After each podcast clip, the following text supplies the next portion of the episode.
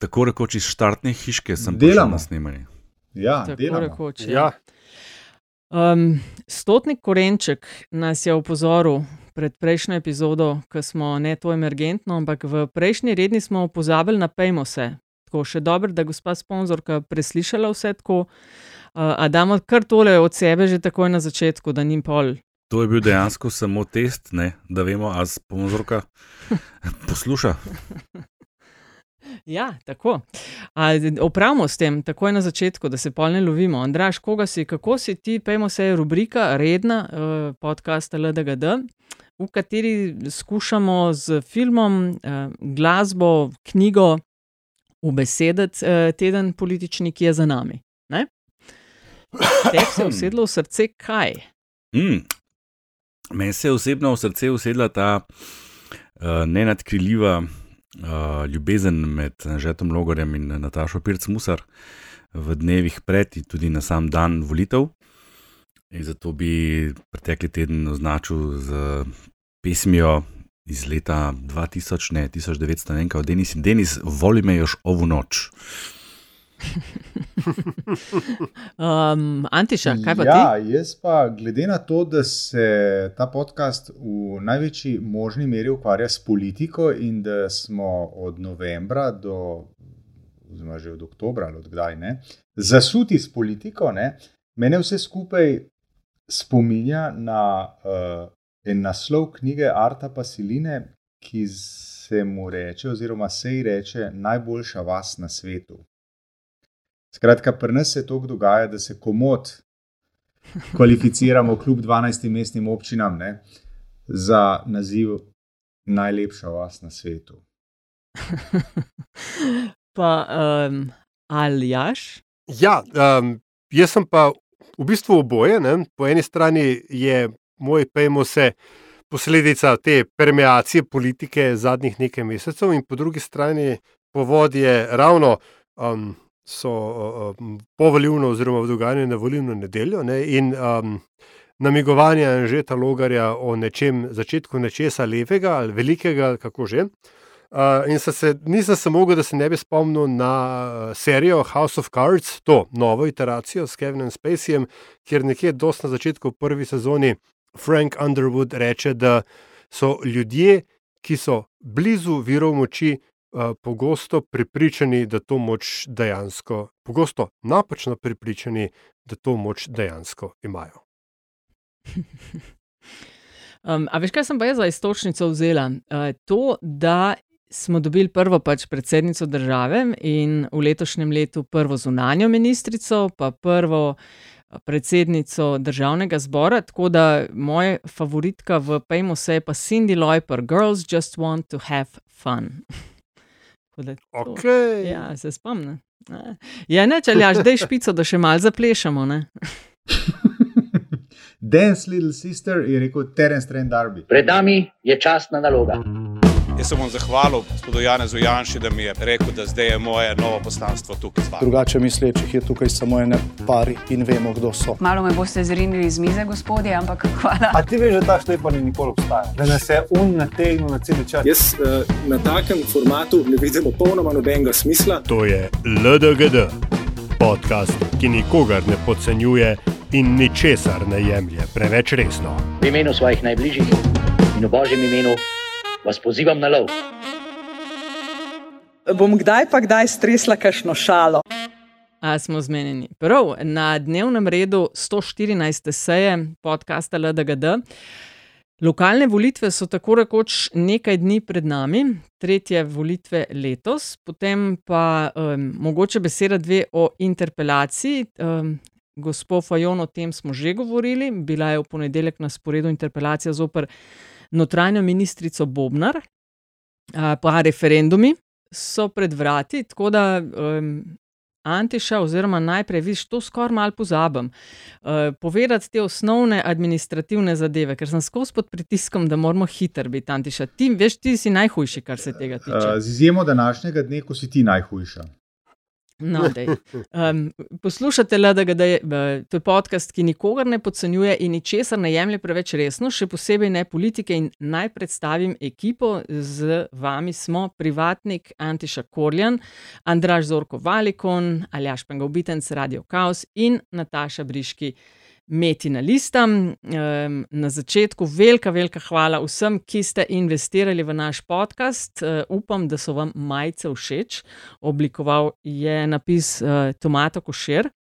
Na voljo jih je še nekaj iz nove runde, e, je pa limited edition. No. Tako da informacije vse na spletni strani. Pejmo zdaj delati. No.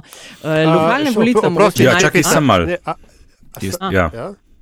Ja, jaz, bi, jaz bi predlagal, da se najprej pogovarjamo malo o zmagovalki volitev. No, jaz bi imel Aha, to pogledno še... uh, izjavo za javnost, kot se temu reče. Aloh. Um, da je pa, mislim.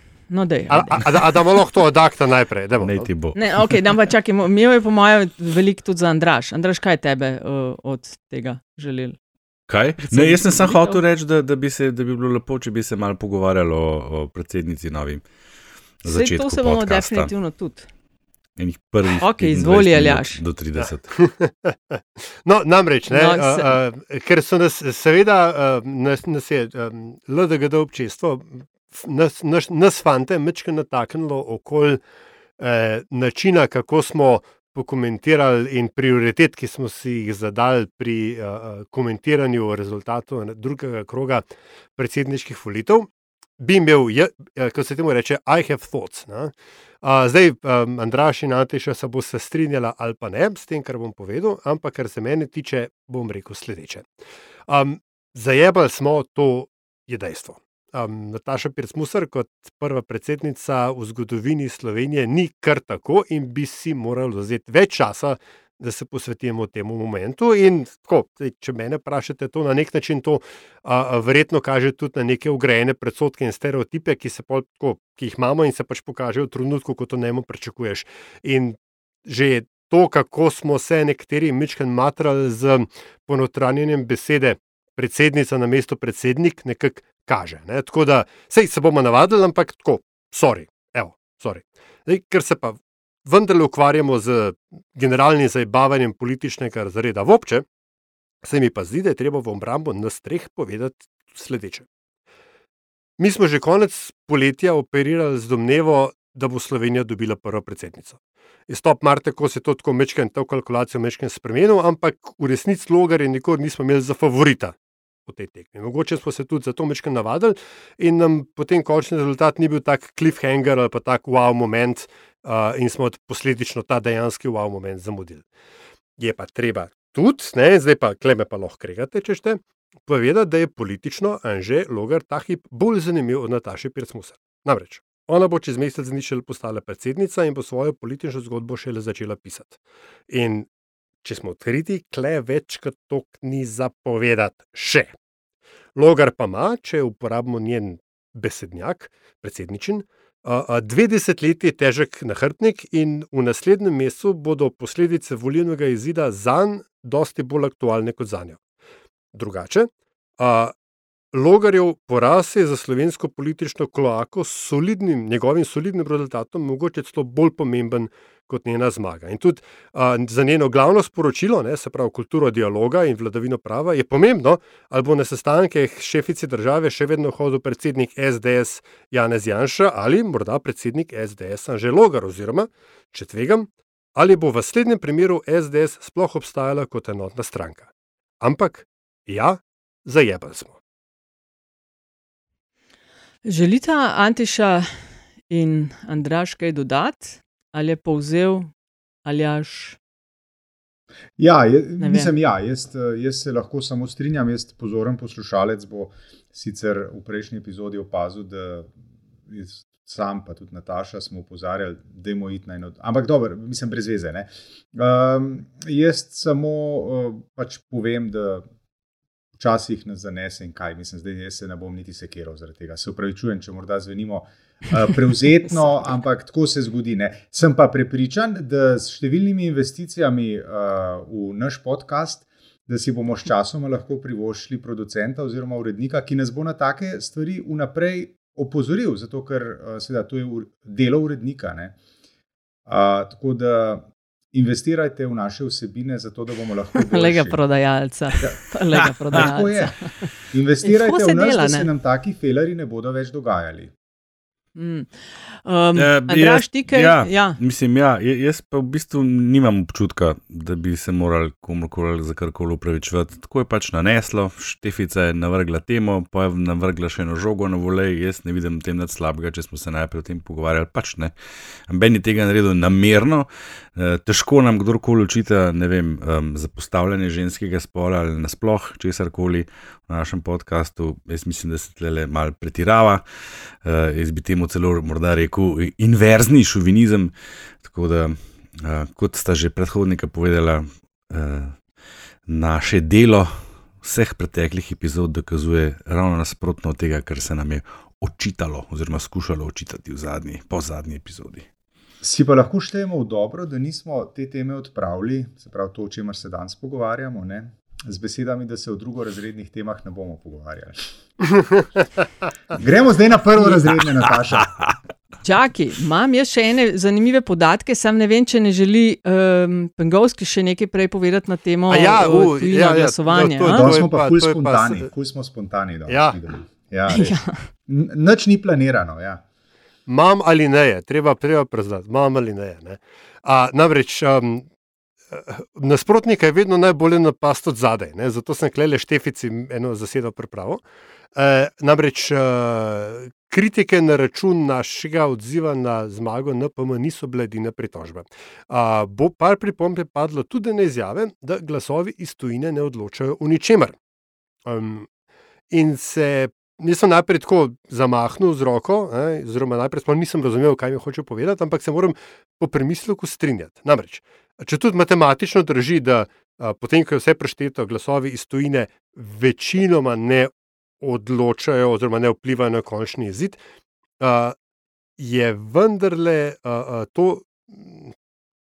To lahko demotivira tiste zdomce in izseljence, pa tudi vse v Sloveniji, ne, ki se potrudijo in potrudimo, a, da glasujejo in glasujemo po pošti. Se pravi, ki se zabavajo za samo ulaganjem prošenj za glasovanje po pošti in tako dalje. A, Point, ki ga ta človek, ki mi je to poučitev, oziroma se je malo mrškem prodložil, je, ne, a, da so glasovi izseljencev ravno tako pomembni, oziroma štejejo, ne, kot glasovi tisti, ki, ki jih oddajo v, v uh, domovini. Zdaj vem, da ni to tako izpadlo, kot smo to mogoče rekli, ampak ne. Uh, ker, besed, ker besede štejejo, mogoče tudi na, to, na tej točki treba biti nekaj bolj pozoren v prihodnje. No, zdaj, jaz, Štefica je pa, kar jo je res zanimalo, ker je šest let in pol sem živela v tujini in me je res zanimalo, ali se je kaj glede same udeležbe teh v tujini spremenilo. In pazi to zdaj podatke. Ne? Število državljanov Republike Slovenije, se pravi voljivcev s stalnim prebivališčem v tujini, je 107 107. Največ, slabih 21 tisoč je v Nemčiji, približno 16 tisoč v Avstriji, to govorim zdaj top 3, in na tretjem mestu Hrvaška 12 700. Od teh imenujejo se v uradnih zaznamkih izseljencev in dobijo gradivo po uradni dolžnosti, ne, njim ni treba to, uh, aljaš, kar s- moraš ti delati, ne, nobenih vlog jim ni treba oddajati. No, zdaj pa ugibajte, koliko od teh 107,107 tisoč jih je glasovalo.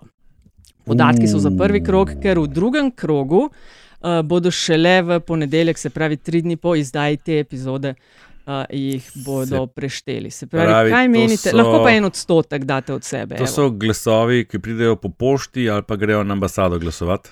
Ne dve, ne, dve sorte. To zdaj govorimo o ne Nataši Briški, ki je živela v vem, eh, Washingtonu, ampak vem, Juan Briški v Argentini. Ja, slovensko Zdaj govorimo o teh, državljanstvo. ker so dve sorti. ampak, Tako. mhm, Stalno Stalno. bivališče v tujini. Ne mara celo rojeni tam. Tako. Puf, No, ajde, en eno nizek- cifro ven. en Nizek, Se, se, mora biti sedem to. tisoč. No, od teh 107, 107 tisoč jih je Jaz sem 4060 hotel ali reči 3, 3400, vidiš, blizu sem bil. Evo, lej, ali 3,8 odstotka. Ne?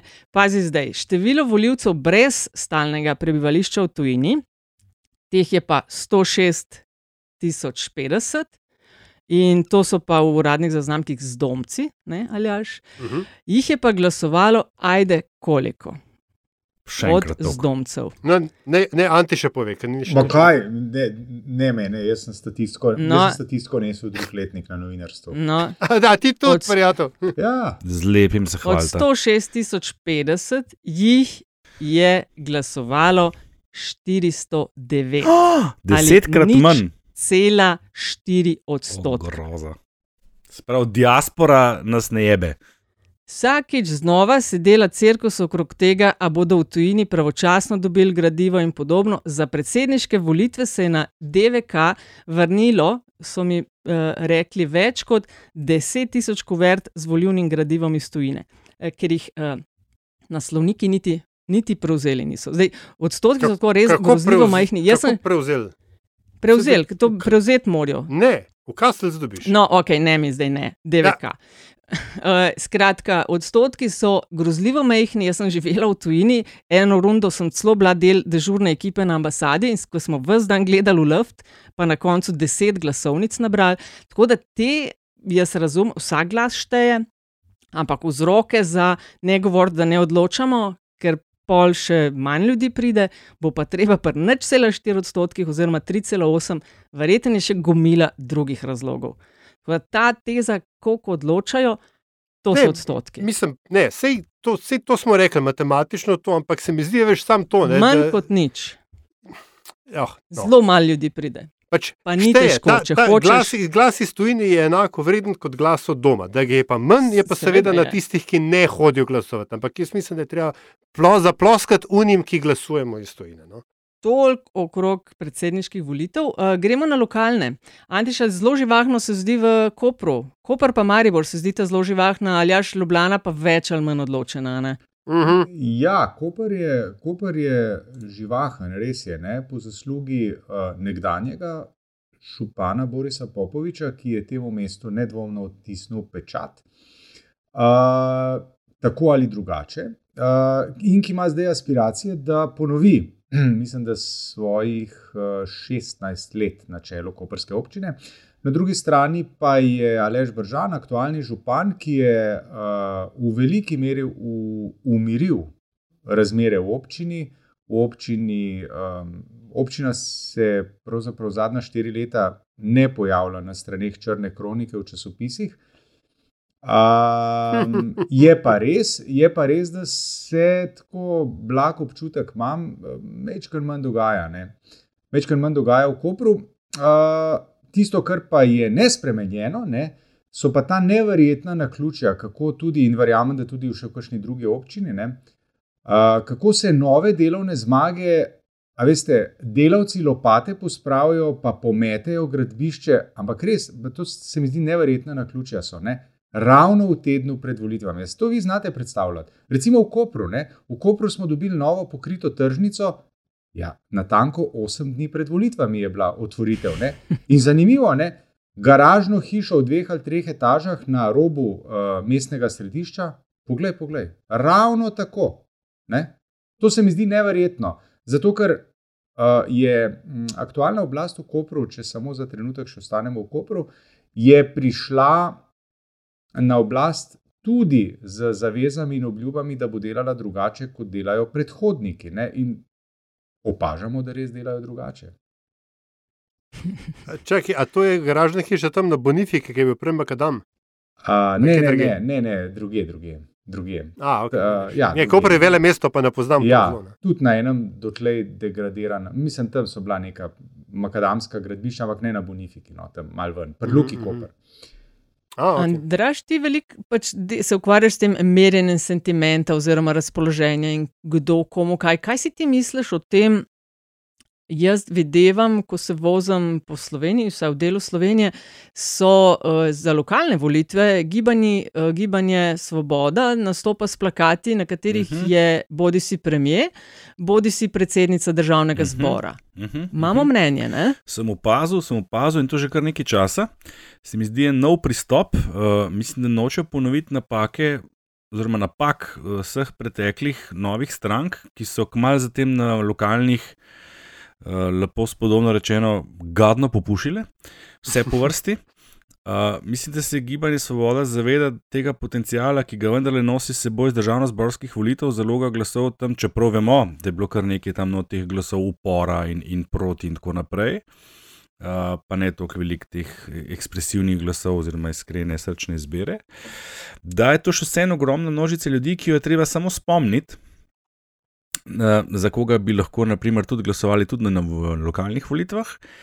E, mislim, da so se to zelo dobro spomnili, glede na to, kakšni so rezultati sprememb v zaupanju v politične institucije, in sicer tiste, ki jih je spre, z spremembo oblasti to gibanje prevzelo v večini, skupaj z dvema koalicijskima partnerjema. To so pač res prelomni uh, rezultati, ki smo jih zanj omenjali v naši raziskavi, gledalo Slovenija. Ne? Da uh, tudi glede na raziskave, ki smo jih videli, um, jim kaže kar dobro. Ne?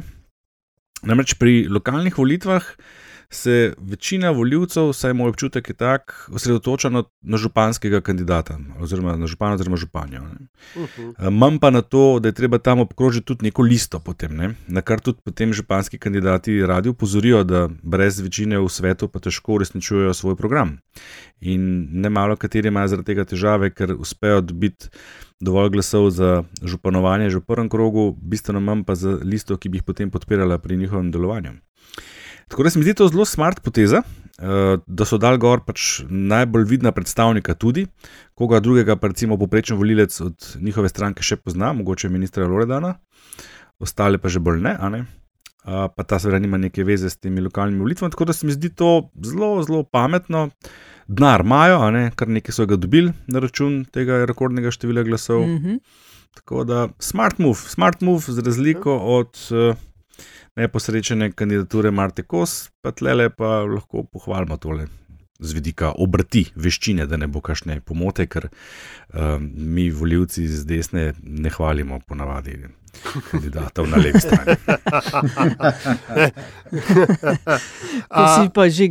Ja, Oprosti, ampak za hip sem se hotel samo vrniti uh, v Koper, ker sem pozabil Antešo vprašati, Kaj je bilo to s Patrikom Greblom? Ja, to je, um, mislim, to je bila ena novo komponirana stranka oziroma lista, ne, ki pa, ne, tega tudi sam nisem vedel, moram priznati, ne, ki pa nekaterih postopkov v samo, uh, samo formiranju ni izpeljala v skladu, z, uh, v skladu s predpisi, ki veljajo v takih primerih. Neka glasovanja morajo biti opravljena tajno, kot sem razumel. Ne. In glede na to, da je tukaj uh, bila uh, v glavnem uh, politično-amaterska družščina zbrana, ne, so to zadevo očitno spregledali, zato je bila ta uh, lista zavrnjena na, uh, pač na nekem testu zakonitosti, če smem tako reči, pri občinski volivni komisiji. Če, če je bil to odgovor na tvoje vprašanje. Mislim, ker ne, ker, če prav razumem, je fora, mislim, ena od interpretacij je bila, da pač, če bi Patrik Greblo bil uh, um, kandidiral, ne, oziroma bi mu uh, um, dovol, priznali kandidaturo, bi on lahko resno um, spremenil to računico uh, o drugem krogu in tako dalje. Ne. Ali je to kaj drži? Kaj ja, mislim, tukaj zdaj v zadnjem, v zadnjem obdobju, zdaj v finišu, prihajajo zelo različne, zelo različne ankete ki potem vsako prejšnjo anketo postavijo pod, eh, pod vprašanje, oziroma si rečeš, ok, ne, se pravi, a so te falili, a so oni prejšnji falili. Bilo je nekaj govora o tem, ja, da bi Patrik Greblo svojo listo lahko odigral uh, resnejšo vlogo v prizadevanju za županski mandat, ampak ne, to je ena od stvari, za katero ne bomo nikoli vedeli. Je pa bilo, ja, je pa bilo resnično, ne, uh, špekulacije o tem. Ja. Andraš, ti uh -huh. si prej omenil Bešič Loredana, pa sem se veš, kaj sem pomislila. Ne? Če lahko mogoče zapeljem zdaj na temo interpelacij. E, opažam, vsaj na družbenih omrežjih, kjer sicer Virostatik spet je treba reči, odlično analizira e, dogajanje in deli z nami rezultate analiz o tem, kje so galame, v katerih kotih spektra in tako dalje. No, in sem pomislila, zakaj ob teh interpelacijah, zdaj Fajon je že imela v ponedeljek jih je, uh, je imela Bobna, škoda, da zaradi uh, volitev ni bilo toliko pozornosti omenjene. Sem pa opazila, Andraž, da so omenjali vašo raziskavo, zaupanje v inštitucije in poklice. Uh, zakaj, no, pa z vrečko, se pravi, interpelacijo kulturne ministrice se opleta, ni še uložena. Zakaj, ko imajo kar nekaj pripomb, češ Bešič Loredana, Uh, tukaj ni interpelacija, as, ker smo ugotavljali v eni od epizod, da so te v, zelo v kontekstu privabljanja ljudi na te ali one volitve oziroma referendume. Ne, ker klele pa, veš, očitajo, kaj vse in koliko interpelacij bi že moglo biti, ampak ni pa zares noben tega rekel. To bolj supporteri. Ne vem. To sem razmišljala. Ali so te interpelacije, ki sta že bili v kontekstu da jim naše prpeljati, da bodo na referendumu glasovali, oziroma vseh treh proti. Hm. Ne vemo, nimamo ne vemo, mnenja. Nimamo mnenja. Ne vemo. Ne. A imamo še sicer kakšno mnenje glede, glede interpelacij? Ra, razen tega, da so šle uh, v veliki meri gladko. Ja. Uh, no, to sem pa tudi jaz ne opazil. A da, šlo, da je šlo izjemno. da so šli mimo, ja. ker mi, res je šlo mimo. Tako, da se spomnim ja, ja. časov, ko so interpelacije trajale tri dni skupaj in so bile glavna tema vseh ja, ja, se zdi, da, novic. Ne. ne samo, da je bilo neuspešno po glasovanju in številu glasov, ampak neuspešno verjetno v tem, kar so želeli doseči. Mogoče, ne ja, ne, ker kaj je glavni cilj, ne, smo že večkrat ponovili. Pozornost, zmedati nasprotnika, da naredi napako, -hmm. izkoristiti to za vem, razgaljenje napak ali pa provociranje ali pa karkoli že pač. Ne, nič od tega se ni zgodilo. Skratka, spet mogoče ena kljubca za, za to novo stranko, ki ne ponavlja napak prejšnjih novih strank. To se mi zdi izjemno pomembno. Ne? Pa zdaj, ki vemo, da ne hvalim te stranke, zato ki bi v njem pristaš to lah, lahkega srca, eh, srca povem. A, a ni bilo tako prebobnar, a, da, je, a, da niso vsi kompozicijski poslanci glasovali. Ampak kdo, zdaj poskušam na hitro ugoditi. Ampak vem, vem, da je bilo tako, da uh, recimo. 40 ali koliko jih je imela Bobnar, ampak pač jih ni bilo, ne se ja, prešteje, rabiš jih 46. Ja, ampak ne, ne, to že je, poanta je, da je samo 24 opozicijskih uh, uh, glasova, uh, poslancev glasovali za, ne? opozicija ima pa daleko več poslancev kot samo to, kot samo 24, tako da je mogoče tukaj. Um, ne vem, ali je to kakšna uh, indikacija česa, ali pač samo uh, vnaprej sprejemanje rezultata in da je bila pač cela interpelacija samo pokazna vežba. Ne? Ali imamo to pogledno kakšne misli? In ponovno je tišina. Slišali ste, da ja, smo ja. pripravljeni. Ajde. Dajmo, ja, ne, mislim, če ni, ni. Ne, ne le, uh, to, ne, mim so šle, mim so šle, to je ja, to. Mim ja. so šle, ja. To je v bistvu sporočilo. Uh, Pejmo na referendume. Pismo smo dobili, če lahko. O, uh, Kaj, Mari Boro, ne bomo nič rekli. A ja. Um, a vemo kaj? Ja, to je pa po mojem drugo najbolj zanimivo prizorišče ne? za kopanje. Ja. Zelo, ja. zelo gneča in kaj se kaže. Kaj pa tam, kaj pravijo? Ja, jaz, mislim, jaz sem. Ne, jaz, no, jaz, sem, jaz lahko tukaj samo povzamem uh, poročanje najboljšega uh, lokalnega časnika. Ampak, no, skratka, večerovci so, zelo, so se zelo lotili tega in pravijo pravi tako, pravično in spodobi se. In če prav razumem, bi bil povzetek zadnjega soočanja ta. Da, če bi iz vseh skupaj lahko sestavil enega župana, bi bilo to točno to, kar Maribor rabi. Ne? Uh, ne, bom, pa, bom pa samo pripomnil, da je iz nekega razloga, mogoče misli, da volim v Mariboru, me je prav danes, danes zjutraj, ko to snemamo, posledil uh, Saša Arsenovič. Um, Ama Twitter, opa. Ja, če, uradna stran Saša Arsenoviča, župana Mesta in tako dalje. Ja, tako, like, tri dni pred lokalnimi volitvami, model optimistično, ja, ampak glej, vsaj potrudil se je. Mislim, kar imam jaz iz terena, ampak to je zelo omejen doseg. Bil pred dnevi sem slučajno bila na dogodku in v družbi uh, številnih Mariborčank in Mariborčanov in je bilo, uh, upamo, da bo tako je zdaj, ki je dober stvari poštimal. Zdaj pa, koliko je to. Ne? Večinsko ali pa ne večinsko, pa težko rečem. Sem, ja, zelo pristransko, ampak le, tako je bilo ja, slišati. Referendumi. Čakaj, sem malo, veš kaj pa, ja, v zvezi z lokalnimi. No, da, mi smo ponovadi, dobro, zdaj. govorim za prestolnico, ampak uh, ko se spomnim, štiri leta nazaj smo dobili tak obsežen papirnat zvitek, kjer so bili vsi kandidati do zadnje četrtne skupnosti v Ljubljani. In to je bilo za me zelo zanimivo branje, ker sem iskal uh, zakonce. Pa, pa besede iz dveh nasprotnih Si taborov, na istem naslovu. Prejšnjo rundo spomniš? to delal, ja. Ja, Se, to, se. to je zabavno, zabavno branje. Ni, ni tega v. v Jaz mislim, da no. si, mislim, da si ga dobil. Sem? Uh, ja, ampak je šlo tudi to, ker sem ga nekaj pobral, to je izkaznica, ker sem bil na zadnje v Ljubljani, ampak tudi to je šlo mimo tebe. Ne? Andraš, Um, preveč kaselcev pa- pregleduješ. To, Ja, preveč- Ne, to, kar sem zadnjič rekel, ne, da so bile lokalne volitve definitivno potisnjene v ozadje. Tako malo, kot se letos o njih govori, so še nikoli ni. ne. In z tega vidika je pa, po mojem, dobro vprašanje, ne zaradi te ne, športne kondicije voljivcev, ali bomo šli vsako nedeljo na, nedeljo na volišče, ampak koliko manj pozornosti. Mislim, čudno, da se tle še ni kakšen spravo na to, tako če se recimo takrat maraton omenjal kot resna ovira oh, za ja. uresničevanje ustavne pravice. a ne, Uh, pa je to tudi mogoče pomislek, a veš, uh, ker toliko manj pozornosti, ne, uh, ali imajo res vsi volivci uh, v poplavi volitev in referendumov sploh čas se ustrezno informirati o vseh kandidatih in Ja, ja. temah, o katerih se glasuje. Točno to.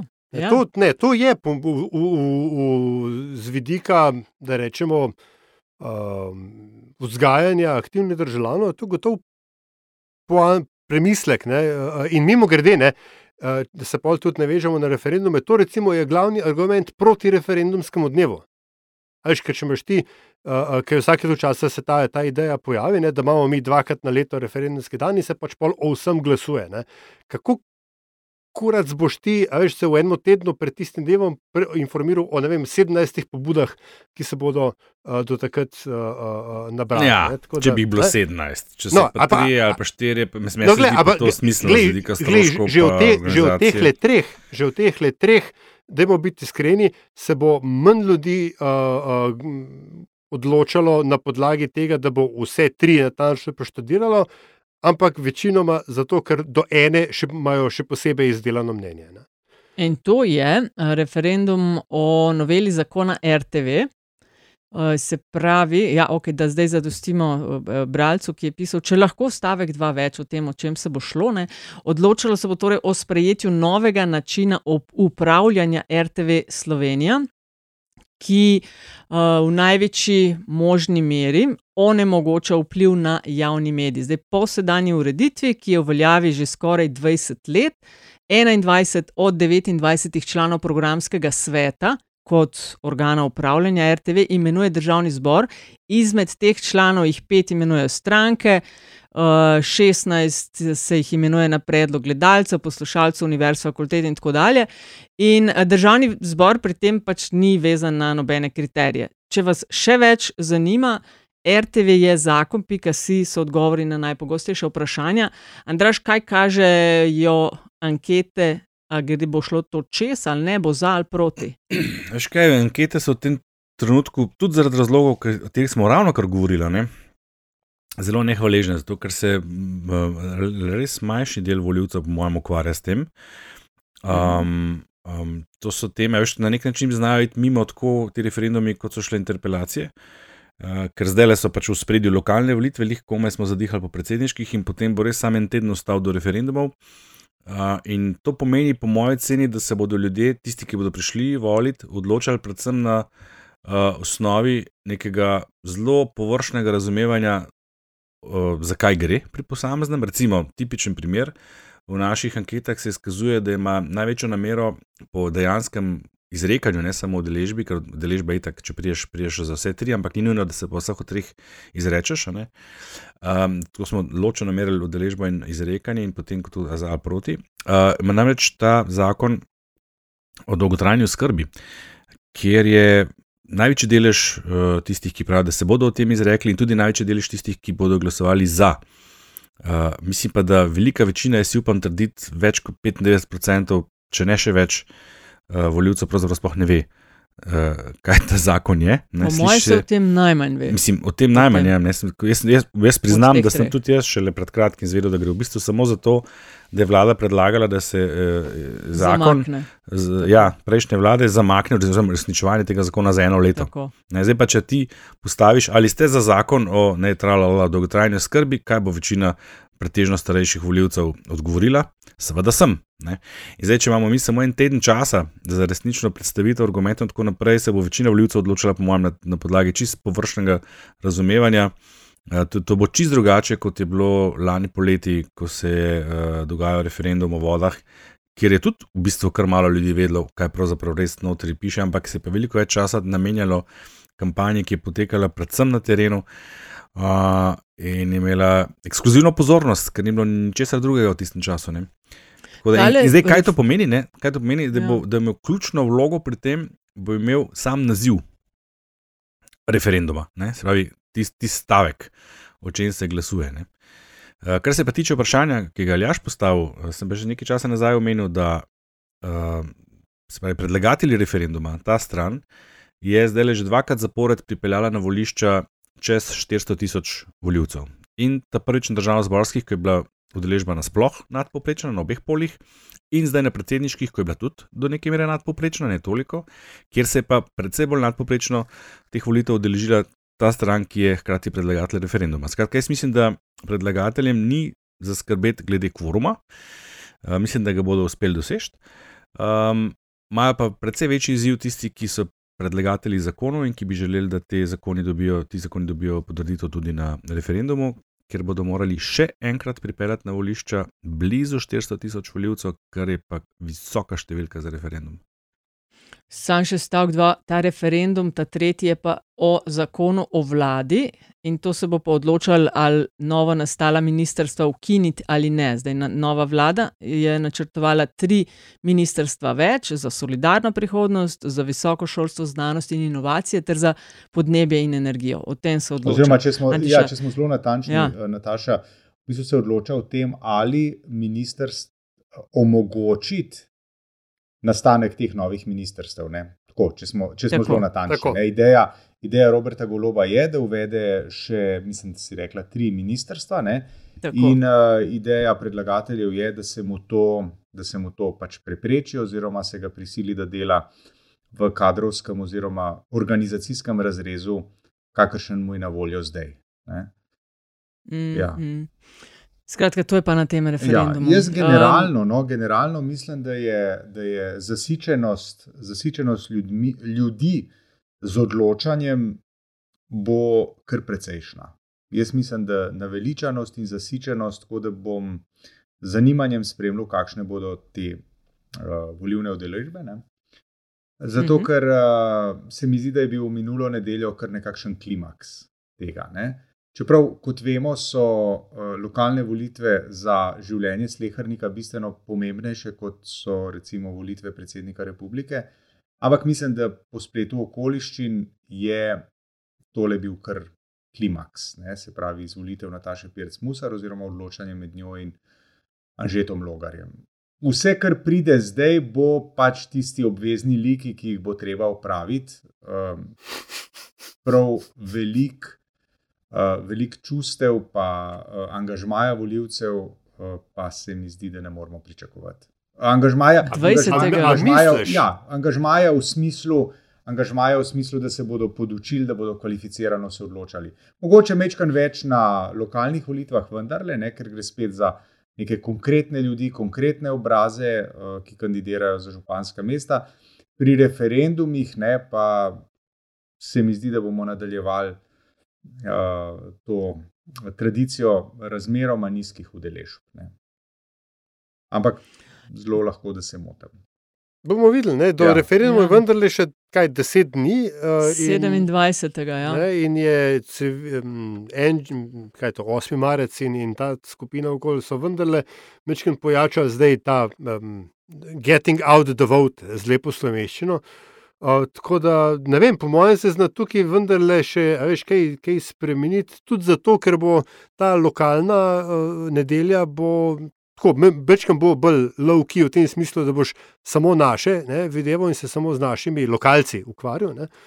Mm, pa pa ne, mogoče se bo kaj, se bo narod kaj spočil, veš, še za en, en zadnji hura. Je, je, je pa res, se strinjam, ne, da je motivacija in, in kondicija volivna tukaj ključna. Še vedno pa mislim, da mogoče ne, eh, bi se ta kondicija, oziroma padec, nje znal pa poznati tudi na, eh, pri predlagateljih eh, referendumov, se pravi pri strankah desno od sredine, ne, ker zdaj to je pa pol. Zdaj je bil že drugi poraz, ki so ga dobili v kaj, zadnje pol leta. A, veš, a se splača iti še po tretjega, če ne. Sej ne vem, kakšen bo rezultat, ampak tako razmišljam. Odvračaš voljivce. Ne, ne, ne, Splača ne, se. ne hočem, hočem uh, reči, da veš, uh, poskušaš uživeti v razloge, zakaj bi nekdo šel na volišče in glasoval proti uveljavitvam eh, tega zakona, ker mislim pa, da vendarle veš tok.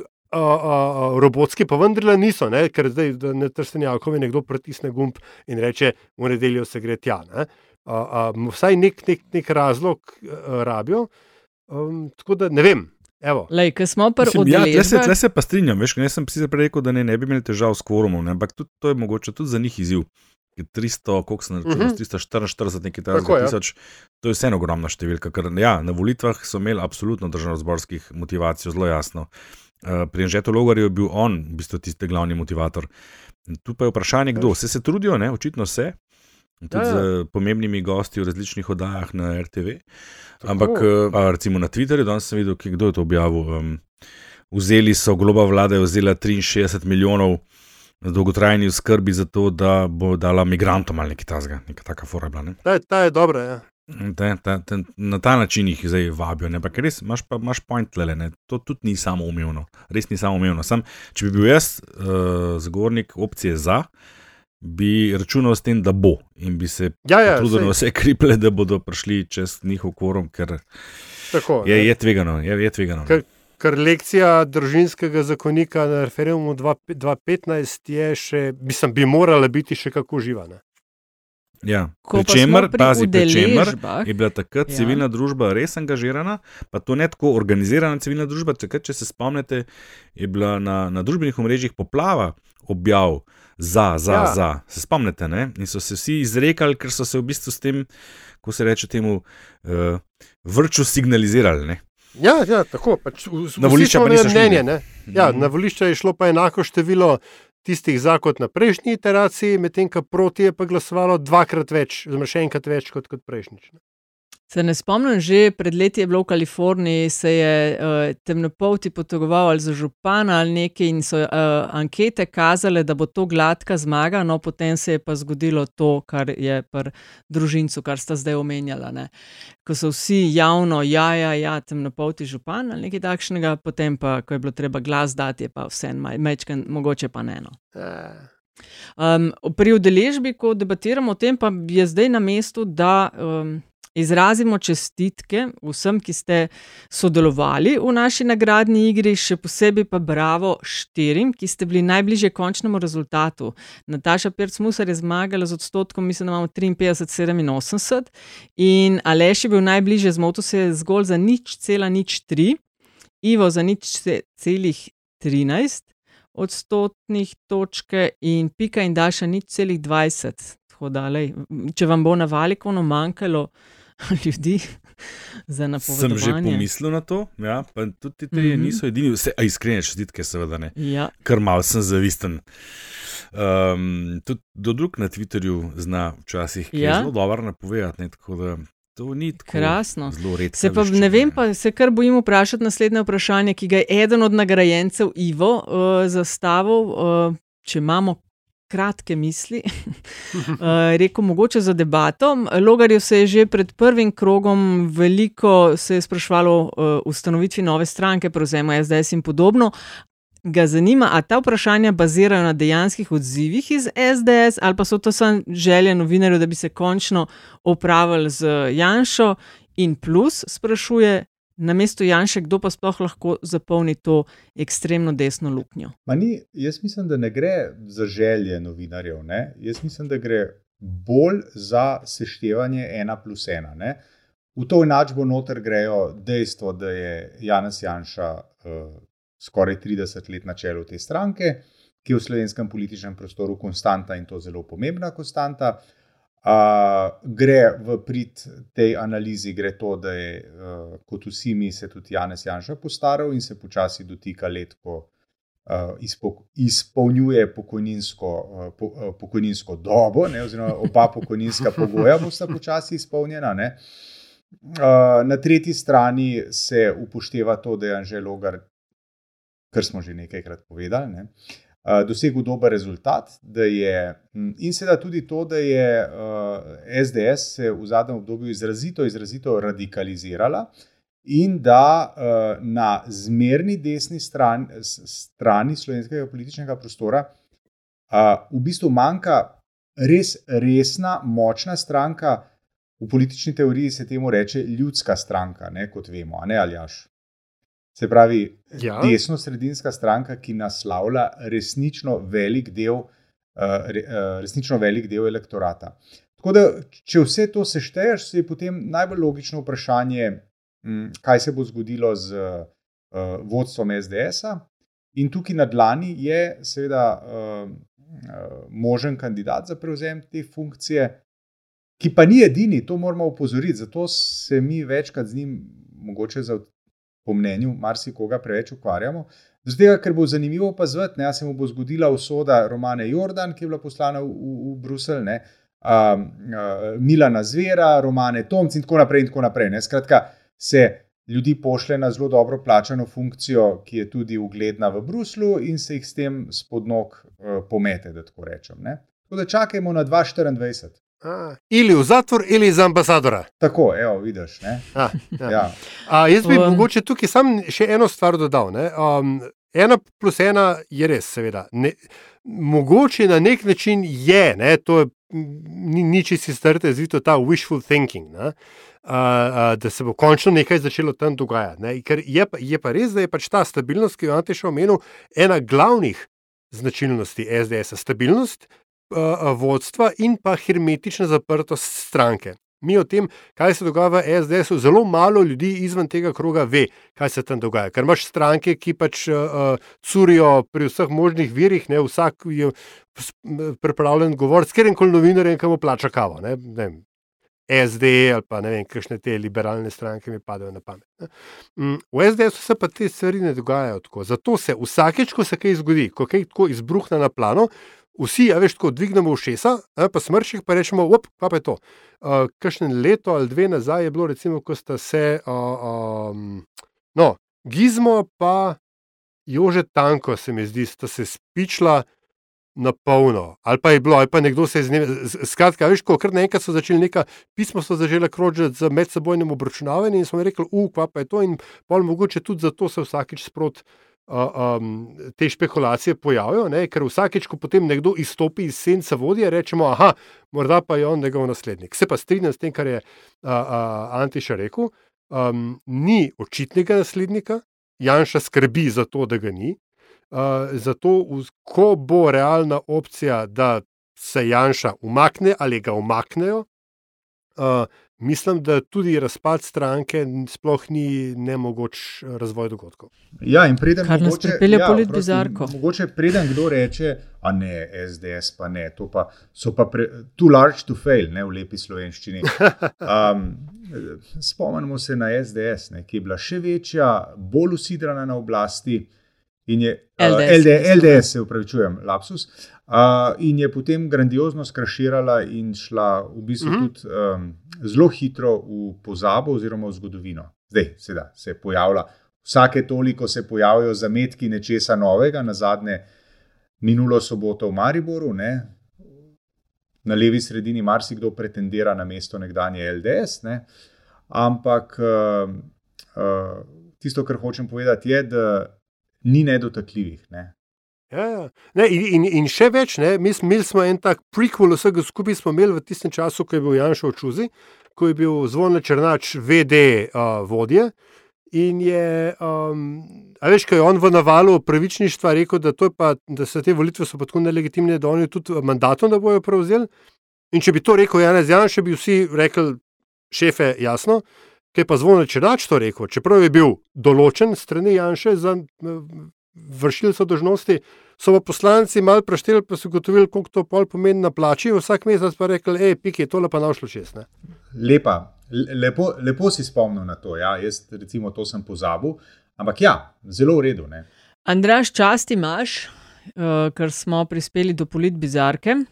Smo si zadnjič obljubili, da bomo poskušali biti uh, razmeroma hitrejši, kot smo bili. Kaj si izbral za ta teden? Ja, zelo na hitro, gostovanje Ladislava Trohe v studijih RTV Slovenija, kamor je prišel očitno s povabilom in ne z udorom, kjer je sedel in ne pa ležal. Meni se zdi to, da je gospod, ki je pred časom udrl na RTV, zdaj povabljeni gost, tam sedi nad se bizarno. In se bom navezal zaradi tega, ker, zaradi tega, ker tematsko sodva z Andražem skupaj. Namreč meni se zdi cel blok, ne, kako nacionalna televizija poroča o sami sebi v teh, mislim, da torkovih večernih oddajah, se mi zdi bizarno, ker to v novinarskem smislu, ne, v novinarskem smislu to ni nič. Ne. Jaz se upravičujem kolegici Vidi, ki to vodi, ne, ampak ona funkcionira tam kot, eh, če smem tako reči, kretničarka. Ne. Se pravi, ona samo daje besedo. Ne.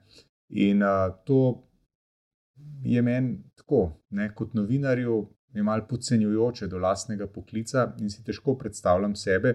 Mislim si tudi, da vidi, da se ne počuti prav dobro, ko to počne. Uh, ampak tako zakonodajo imamo in take vdaje imamo. Je pa vse skupaj ena velika bizarka. Jaz pa nominiram kongres s Gibanja Svobode na dan volivnega molka. V Mariboru so ga imeli tik pred drugim krogom predsedniških volitev, so dali vedeti, da jim je jasno, kar se tiče tajminga, volivni molk spoštujemo in zato v predsedniških volitvah ne bomo govorili, so rekli, potem pa dodali. Naše stališče je povsem jasno in sledi tudi temu, kar so že v prvem krogu volitev povedali volivci in volivke ki so večino glasov namenili kandidatom leve sredine, čas je torej za predsednico. Um, Meni se je zdel ta moment na dan volivnega molka, kongres, dosti bizarno, drzno bizarno tudi, uh, hkrati v prid temu, kar nekateri pravimo že dalj časa, da je volivni molk pri nas res bolj za okras, kot da bi služil temu, čemu je namenjeno. Tako da, ko svoboda ne molkne, je moj predlog. Pa, Aljaš? No, jaz se pa bom to temo nadaljeval ne, in um, to vrstne, da moramo reči, kreativne interpretacije uh, kampanskih pravil. Uh, in ostavim pa na lokalni ravni uh, Zoran Jankovič, oziroma tim, ki fura njegov Instagram profil, uh, je objavil uh, posnetek uh, Zorana Drageča.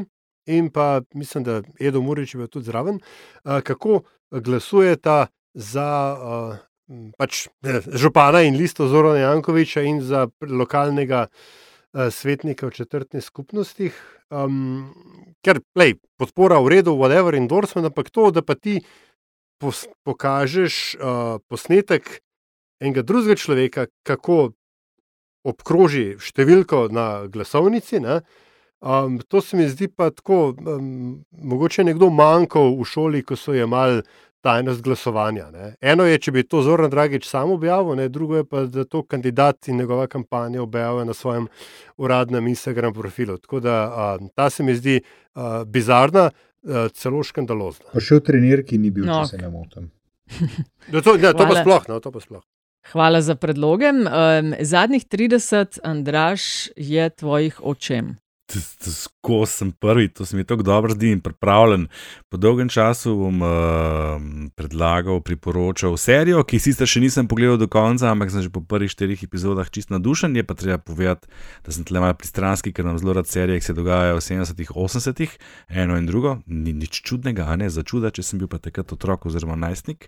In sicer Winning Time, The, La The Rise of the Lakers Dynasty, igrana serija, da ne bo pomote, ni doku o zlatih časih Los Angeles Lakersov z Antišo, se bo spomnila zdaj, kako smo si podajali VHS kaseto, Seveda. da smo kakšne tekme iz tistih časov lahko gledali in uživali v teh, v teh čudovitih prizorih oziroma predstavah. Skratka, Winning Time, The Rise of the Lakers Dynasty na, na voljo tudi na HBO Max.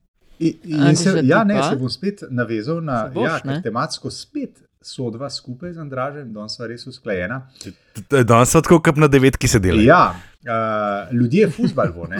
Fusbal bo. V nedeljo se začenja Ja. uh, svetovno prvenstvo v nogometu.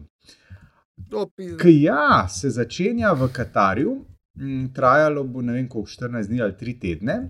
Nenavadno je to, da to ni poleti, ko so take manifestacije bile ponavadi na, na sporedu. Tisto pa, kar je, kar je meni v takih primerih super, kot je recimo Eurobasket, svetovno prvenstvo v basketu, olimpijada in tudi svetovno prvenstvo v nogometu, je pa to, da si siguren, da ko se boš usedel pred televizijo, z malo listanja gor pa dol, si boš lahko ogledal kakšen res vrhunski športni dogodek. In seveda, svetovno prvenstvo v nogometu je enako vrhunski futbal. Ni treba gledati 90 minut, ne? ampak pogledaš tistih 30, 40, 50, kolikor ti pač paše. Ne? Skratka, futbal. Katar 2022. Jaz se bom eh, navezala, ker je iz Katarja bila ena od članic ekipe uh, Euroarabske ekspedicije na Severni pol. Namreč pri založbi Penguin Random House je 15. novembra izšla knjiga z naslovom Polar Exposure. Knjiga, ki z vidika vseh članic ekipe pripoveduje zgodbo o euroarabski ženski ekspediciji na Severni pol. Izid knjige se je zaradi pandemije COVID-a vse čas mal zamikal eh, in tudi dokumentarc, ki sicer že eno leto kroži po filmskih festivalih in je režiserka zanj dobila že kar nekaj priznanj. No, zdaj je tudi knjiga o ekspediciji, katere članica sem bila tudi sama in je zaenkrat zadnja, ki je bila na Severnem polu. Ne da nihče od takrat ne bi poskušal, ampak pač ni bilo možno, ker, se, ker je potrebno za naskok na Severni pol postaviti začasno bazo na ledu, to je Barneo Ice Camp. Enkrat je niso postavili zaradi spora med Ukrajino in Rusijo, dvakrat je odpadla zaradi COVID-a, letos pa zaradi vojne. Uh, Polar Exposure priporočam v branje. A, No, in na koncu sem pa še jaz, um, ki se pa vračam v mesto občino Ljubljana, ki v, mislim, da v tej epizodi, tri dni pred lokalnimi volitvami, nismo posvetili dovolj ljubezni, ne, tako da recimo, da to, to zdaj malo popravljam. Uh, in sicer bi zadnjih 30 izkoristil zgolj za pokazno vežbo, zakaj je v Ljubljani tako, kot je politično. In sicer na primeru vprašanja nove, enega večjih infrastrukturnih, projektov, vprašanje sežigalnice, o kateri imajo meščani vendarle deljena mnenja, ampak ne, ne samo, da gradnjo sežigalnice podpira lista Zorana Jankoviča, ki ima v mestnem svetu absolutno večino.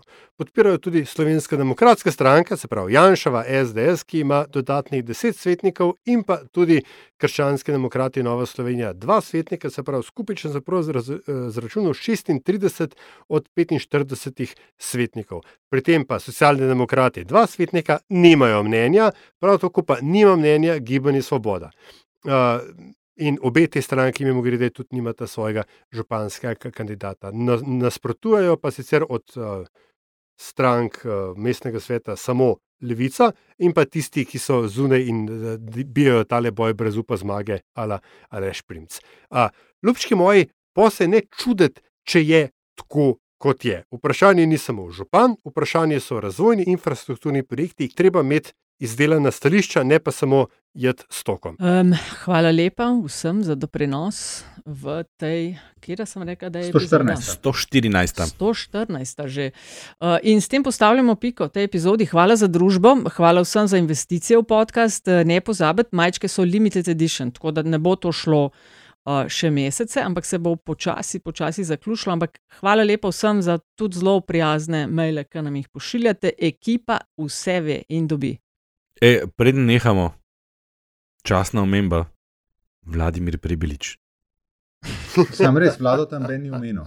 Spet ga nim Ben omenil. Nataša. Koga to vladata, vladata prebili? Prebilič, To je ja, ta žup- ta skočil, ja, ja, veš. skočil je, ja. Ž- Ja. mm. Ja. Kaj, kaj že on, on je Jaz ga hotel ne biti, bom. kaj že Je hotel biti predsednik. Štefi? Štefi, Štefi Predsednik, kdo je, kdo je točno, že ja. župan Kočevja? Lej, če tiskajo četrtič kandidiral. Ajde. Živite.